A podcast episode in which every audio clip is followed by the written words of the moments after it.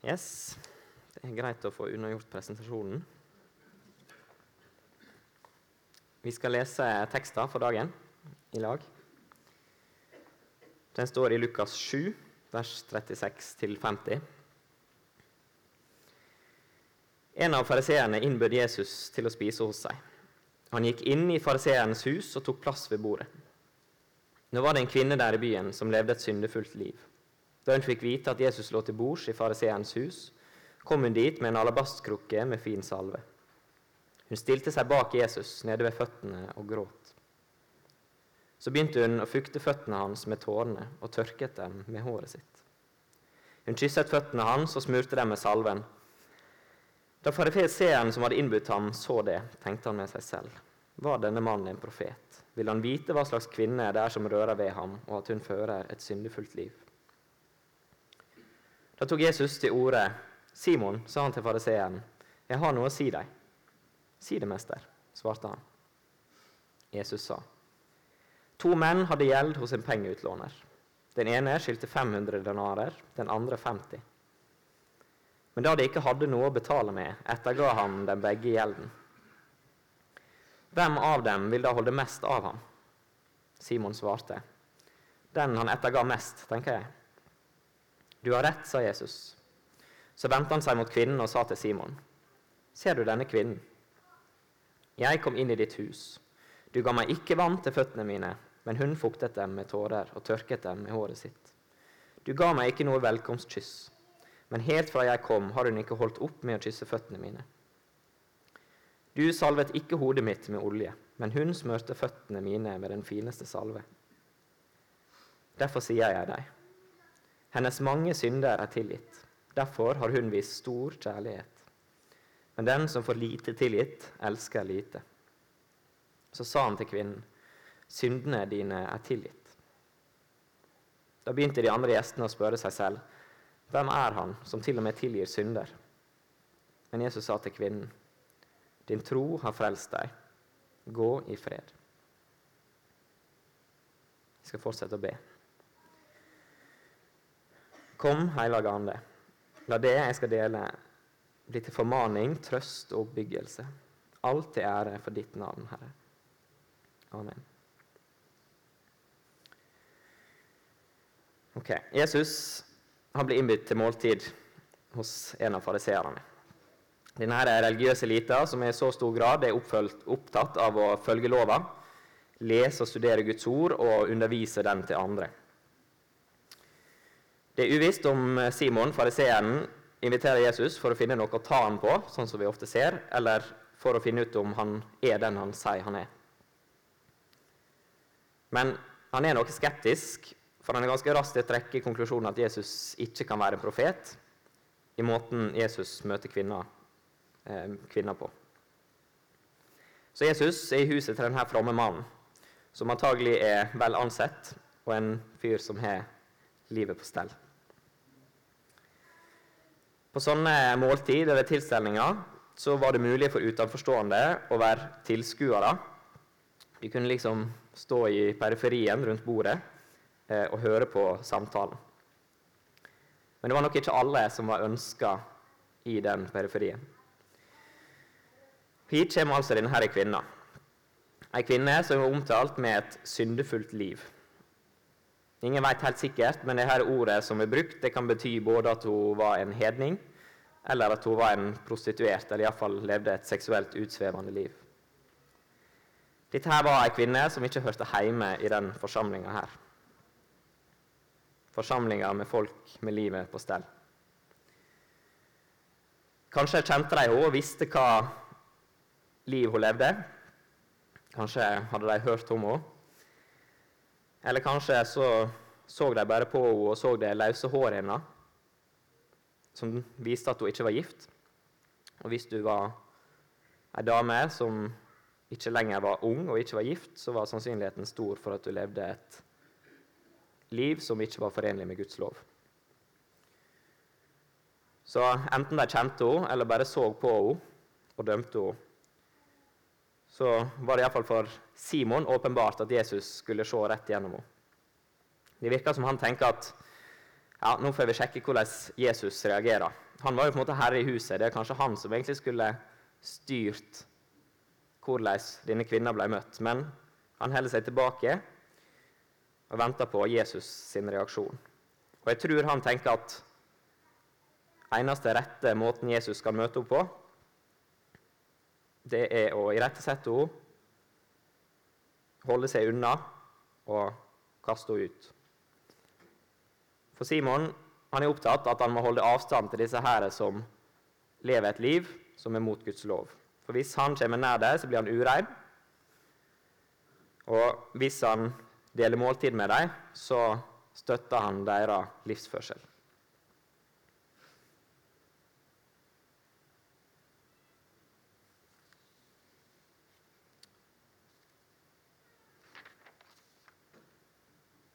Simon han er trygg på at han lever livet, iallfall sånn ganske sånn som det skal leves, i motsetning til denne kvinna her. Kanskje Simons holdning til henne at hun lever et liv som er så langt ifra Guds plan at hun er ikke det håp for. Hun vil aldri få skikk på livet sitt eller leve etter Guds lov. Hun hører ikke hjemme her. Jeg ser for meg at det er litt sånn Simon tenker, og kanskje sånn mange andre rundt det, rommet, eh, rundt det bordet tenker. Ok, Se for dere hvordan dagens samfunn hadde møtt denne kvinna her. Kanskje en litt annen reaksjon. Du er god nok som du er. Har du hørt den før? Ingen skal fortelle deg at du gjør noe feil. Om det kjennes rett for deg, så må ikke du høre på andre, og så må du bare gjøre deg. Det er bare trangsynte kritikere som gjør at du ikke kan leve deg sjøl akkurat sånn som du vil, og bli lykkelig og tilfreds i livet. Det fins ikke noe som er syndig, det er bare noe folk sier for å hindre deg i å leve ut deg sjøl. Hei, kvinne. Grunnen til at du er lykkelig i det livet du lever nå, at du ikke har den sjøltilliten du trenger, at du, du, føler at det du gjør, er gale, det er disse her menneskene rundt deg som dømmer deg. Ikke hør på deg. Ikke hør på deg. Si til deg sjøl at livet du lever, det er ditt liv, og så lenge du føler for det, så er det rett for deg, og du har rett til å bli lykkelig mens du lever det livet. Just do you. Fariseeren mente at alle de må leve som han, et liv etter lova for å bli rettferdig og leve et godt liv. De må se det som jeg har funnet, det rette og gode liv. Det moderne samfunnet det sier det her litt mer indirekte. Just do you. Vær deg sjøl. Det er den moderne måten å si at du lever ikke livet sånn som du burde. Gjør som oss, da blir du lykkelig. Vi har funnet oppskrifta. Men å bare være seg sjøl, er det egentlig mulig? Vi lever ikke i et vakuum. Vi er de vi er, i relasjon til andre mennesker. For også i møte med det moderne samfunnet så er det en haug med regler som du må holde deg innafor for å være akseptert.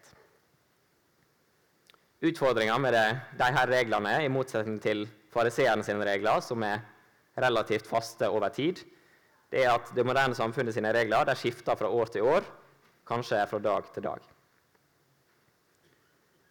Du er god nok som du er, så lenge du lever ut deg sjøl i tråd med det som er greit, det som er politisk korrekt. Hvis du gjør noe annet, ja, men da må du bli deg sjøl men ikke sånn som du sjøl tenker. Det er en sjølmotsigelse i det som samfunnet driver med i dag. Du kan leve akkurat som du vil, så lenge det ikke virker truende for mitt meg. Tenk deg f.eks. en person som ikke ønsker å leve ut sin seksuelle dragning mot det samme kjønn. Det er i det moderne samfunn per definisjon ikke å leve ut seg sjøl. For da fornekter du deg sjøl. Det er blitt en sånn opphøya ting at det seksuelle det er noe som er hele vår identitet. Men kanskje det viktigste med motstanden mot akkurat det, det er fordi at hvis noen gjør det valget, så truer du andre sitt valg, som har valgt noe annet. For da sier du indirekte at det andre valget er feil. Det er noen selvmotsigelser i det her. Og det er noen sånne overskytende regler som ligger der for at du skal kunne være deg sjøl. Kanskje den viktigste det er at de marginaliserte har alltid rett. De skal beskyttes, og du skal leve ut dine seksuelle preferanser. Utfordringa er at dette skifter fra tid til tid.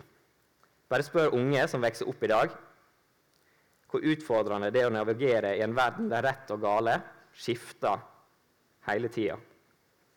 Der du skal være deg sjøl, men innenfor visse rammer. Og du skal lykkes i alt, sånn som du ser mennesker rundt deg gjøre på sosiale medier. En evig frykt for hva tenker andre om meg?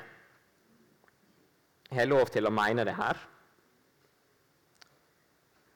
Det er mange som ikke tør å si hva de mener. Det er en frykt som fører til at mennesker kan bli utstøtt for å mene feil.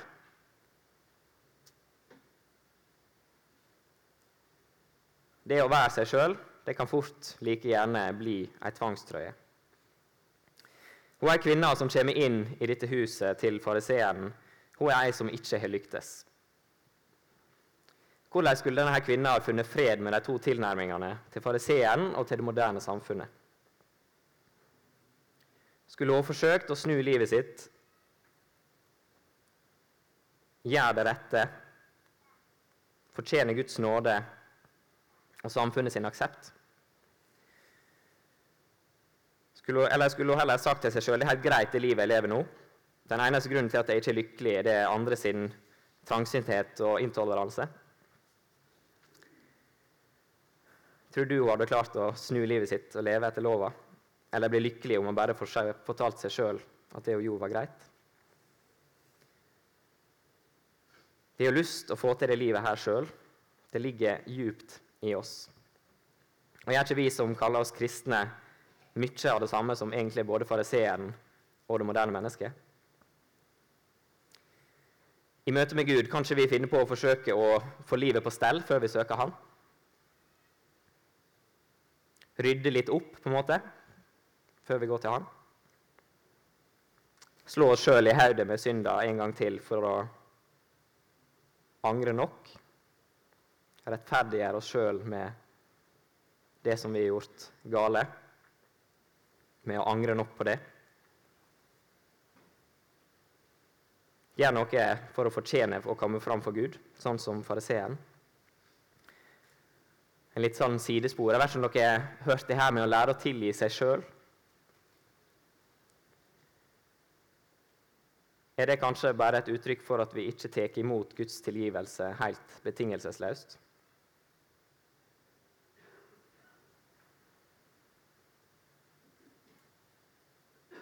Der vi må legge vekk all egen stolthet og komme fram for Han Eller gjør ikke vi ofte som det moderne mennesket og sier Sier Jesus og Bibelen virkelig det her? Det kan ikke være meint sånn. Kanskje velger vi å ikke se så mye på hva Jesus skrev om kjærlighet til penger, kjærlighet til verden, hvordan vi er kalt til å vise alle mennesker barmhjertighet. Så ser vi heller på de tingene som ikke angår meg så personlig, f.eks. seksualetikken for mange. I stedet for å gjøre som Jesus og si det ene skal gjøres, og det andre ikke forsømmes.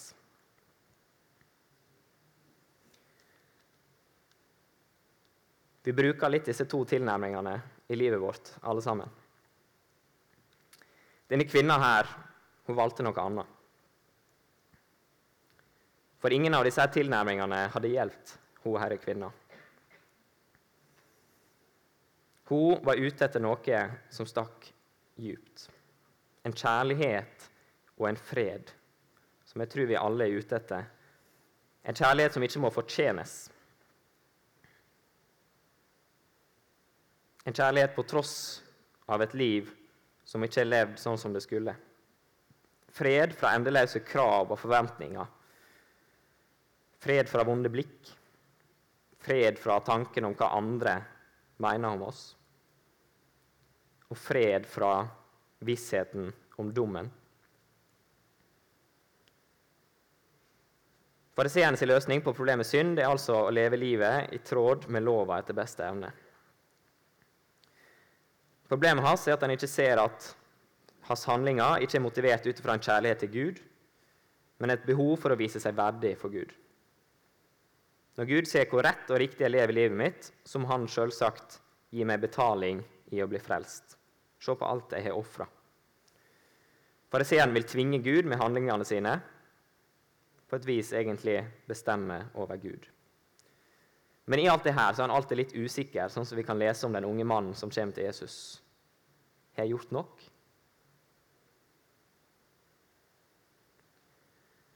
Det moderne mennesket vil kvitte seg med buda, slippe å få dårlig samvittighet når en gjør imot Guds vilje. I stedet for den skjulte religiøse måten å rettferdiggjøre sine handlinger, omdefinerer han heller rett og gale. Og så sier han til seg sjøl jeg er jo et godt menneske, bare se på den der andre som er så mye verre. Men også det moderne mennesket tror jeg har vanskelig for å bli kvitt den underliggende skamfølelsen av å ikke strekke til, av at en ikke får til livet. At det jeg har gjort, kanskje ikke er riktig likevel. En kan fylle liksom opp med mye i livet, men under alt det som vi fyller livet med, og kanskje når det svikter, så får ikke man helt fred. Har jeg gjort nok? Er jeg god nok? Er jeg god nok som jeg er? Eller var det feil, det jeg gjorde? Det er interessant å lese for om mange som har tatt abort, som har en følelse i etterkant som må undertrykkes av at det her ikke var rett. Jeg tror det er mange som kjenner på at er jeg egentlig god nok som jeg er? Er det jeg har gjort, rett? Så disse her mekanismene som ligger i fariseerne og moderne mennesker, ligger åpenbart i oss også. Og Kanskje er du en plass mellom disse her to ytterpunktene. Vår selvsenterhet som, som menneske den er den samme, selv om uttrykket gjerne kan endre seg. Og Jeg er sikker på at du som meg har litt av begge. Heldigvis møtte ikke denne kvinna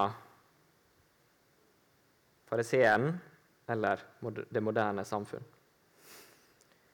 Hun hadde fått et møte med Jesus, antagelig i forkant av det som vi leser her. Og hva er det som mangler både hos fariseeren og det moderne mennesket, som denne kvinna har, som får henne til å heller søke Jesus? Hun har en ærlig innrømmelse av sin synd og sin skam i møte med en hellig Gud. Hun er falt så lavt at hun har innsett sannheten. At det er helt umulig for hun å bli rettferdig med sine gjerninger. Hun har på en måte opplevd livet på en sånn måte at hun også vet at hun ikke kan omdefinere rett og gale til å passe med det hun sjøl vil. Helt på bunnen av livet så hun møtt Jesus. Hun har møtt Jesu nåde. Og nå møter hun han en gang til. Eller hun oppsøker han. Og hva er det hun gjør da? Hun står der. Hun greter, og så vasker hun Jesus sine føtter med tårene. Tørker føttene med håret og salva føttene. En kar som heter Matthew Henry, en pastor i England på slutten av 1600-tallet, han eh, skriver om to ting som det her viser om denne kvinna. I det som kvinna gjorde, kan vi se hennes dype ydmykhet som følge av egen synd. Hun sto bak han og grein. Disse øynene som hadde vært verktøy for synd, var nå bekka av tårer. Hennes ansikt som nå var forvridd i gråt, var et ansikt som tidligere var dekka i sminke. Håret som hun gjorde til et håndkle, var tidligere flott fletta og utsmykka. Sannsynligvis hadde hun tidligere også sørga over sin synd. Men nå når hun på nytt fikk møte og fikk mulighet til å komme inn i Jesu nærhet, så blødde det her såret på nytt, og hennes sorg over egen synd ble fornya. En ydmykhet og sorg over sin synd. Så sier han videre. Videre viser det om kvinna, hennes sterke kjærlighet til Jesus. Hun vaska hans føtter, et tegn på hennes villige underkastelse, sjøl til det laveste arbeid som kunne gi han ære, en slaves arbeid.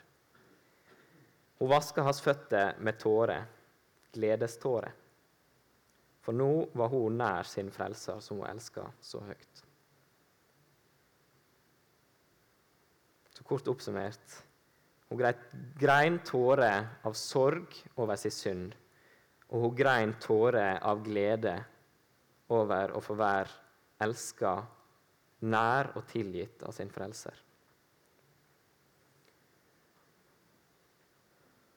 I teksten igjen så leser vi om de to som fikk ettergitt gjelda. Én hadde stor gjeld, en annen hadde lita gjeld.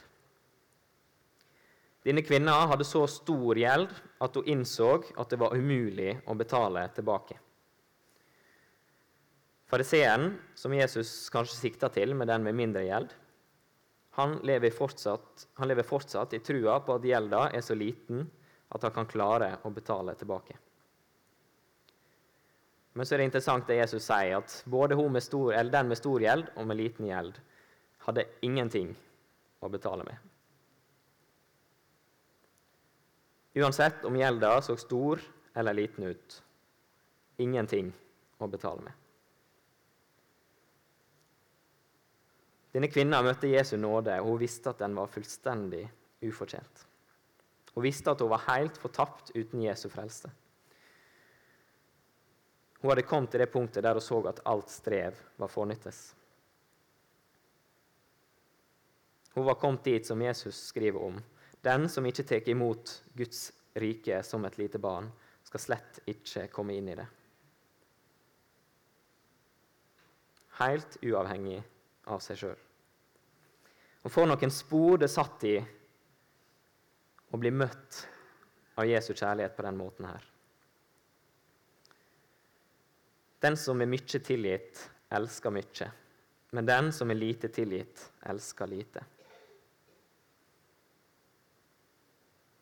Paulus han omtaler seg som den største blant syndere. Han hadde forfulgt kirka og tvinga mennesket til å spotte Gud, til å fornekte Gud og Jesus. Han fikk en radikal omvendelse han kunne si, 'For meg er livet Kristus og døden en vinning'. Denne kvinna hadde levd et liv milevis ifra Guds vilje. Hun møtte Jesus nåde. Også for henne var livet blitt Kristus. En total overgivelse av seg sjøl til Jesus. Disse her er to med store kontraster. Men hva med oss? Må vi ha levd et sånn så syndefullt liv for å lære å elske Gud? Kanskje vi håper å si som Paulus at for meg er livet Kristus og døden en vinning? Vi som har gjort større eller mindre ting som vi kanskje tenker at ikke er så heftig som disse her to. Samme hjerte som bodde i Paulus, og som bodde i den kvinna, det bor i oss. Et hjerte som hele tida vil være sin egen herre. Et hjerte som bare ved tilfeldigheter ikke er blitt ført ut i større ondskap. Det fins ikke én som søker Gud, ikke én som er rettferdig, sier Paulus. I seg sjøl har vårt hjerte Gud som fiende. Og vi har et hjerte som til tross for å kjenne Guds vilje bedre enn noen gang før, likevel ofte går på tvers av den viljen. Vi som burde vite bedre, vi møtes av den samme nåden. Vi trenger å komme til det samme punktet som kvinna og Paulus, at framfor Gud så har vi ingenting å komme med. Jo mer vi ser vår egen stolthet og ser at Jesus stille og tålmodig kaller oss til å legge den av og komme til Han, jo mer ser vi hans kjærlighet og nåde og fred også for oss. Vi trenger å se det. Vi trenger å se sannheten om oss sjøl, og vi trenger å se sannheten om hvor Gud elsker oss på tross av. Og hva gjør det med oss? Se på denne kvinna her. Hvor er skammen hennes blitt av? Forsøkte hun å fikse livet før hun kom til Jesus? Hvordan kunne denne kvinna komme inn i et hus fullt av mennesker hun vet kom til å se ned på henne, til å dømme henne, og likevel gjøre det hun gjorde? Hvordan kan hun tåle å stå i det? Hvordan kunne hun som var så djupt i sin synd, komme nær til Jesus, til Gud sjøl? Det er jo bare av nåde. Og når hun hadde blitt møtt av den nåden, så var ikke hun sjøl så viktig lenger. Det var Jesus som var viktig. Det var blitt skapt en overveldende kjærlighet i henne i møte med Jesu ufattelige nåde. Hun fikk en fred, en takknemlighet, en kjærlighet som satte henne fri. Vel vitende om sin tilkortkommenhet, så fikk hun kjærlighet. Hun trenger ikke å si 'jeg er god nok som jeg er'. Hun kan si 'jeg er elska på tross av'. Jesus er god nok for meg. Hennes håp og verdi er ikke lenger knytta til hennes egen prestasjon og status. Derfor, i kjærlighet til Jesus, så kunne hun gå inn i det her rommet fullt av mennesker som ville fordømme henne og underkaste seg Jesus og hans vilje, og på en ekstremt ydmyk måte vise sin kjærlighet til han.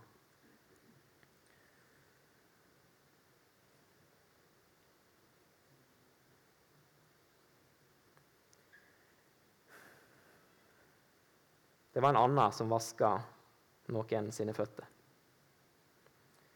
Det var en annen som gjorde en slaves arbeid.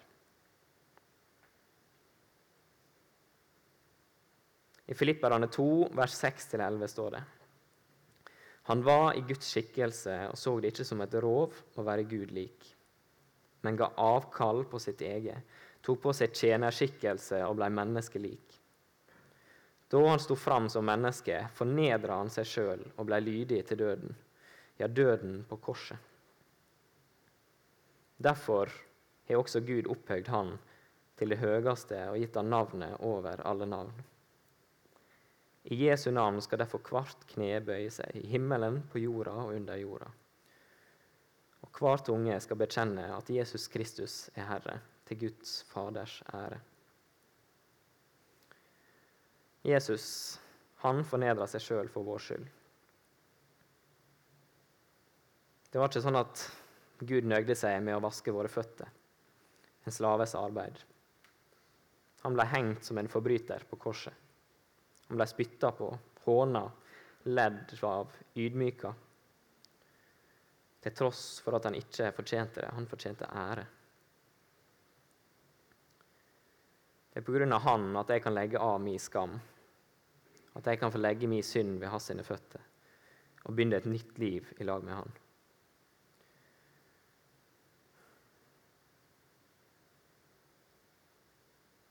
Min kjærlighet til han den kan vokse når jeg ser alt det han har gjort for meg. Når jeg ser mer av sannheten om meg sjøl, og mer av hvor høyt han elsker meg. Om livet rundt faller i grus, om jeg blir sett ned på, om jeg kanskje ser ned på meg sjøl, så kan jeg løfte blikket opp på han. Og så kan jeg få leve et liv Litt sånn som den kvinna her som kommer fram for han, og som bare viser sin kjærlighet til han med å gi han alt. som gir han rett, og som går derfra med et ønske om å leve etter hans vilje.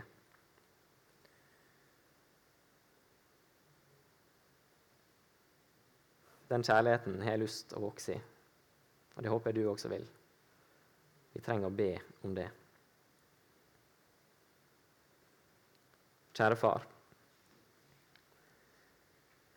Takk for din ufattelige nåde. Takk for din tålmodighet med oss. Når vi gang på gang feller og gjør imot din vilje. Takk for din tålmodighet med våre blindsoner. Vis oss, Herre, hvor vi er imot din vilje, sånn at vi kan få leve mer i tråd med det du vil. Og la oss alltid finne gleden og motivasjonen til det i den ufortjente nåden som du har vist oss. Den kjærligheten som er så stor at vi aldri kan fatte det. Herre, jeg ber om at vi kan få bli som den kvinna her som elsker og tjener deg, uten frykt for hva mennesker rundt oss tenker. Som griner i sorg over vår synd, og som griner i glede over din kjærlighet og nåde.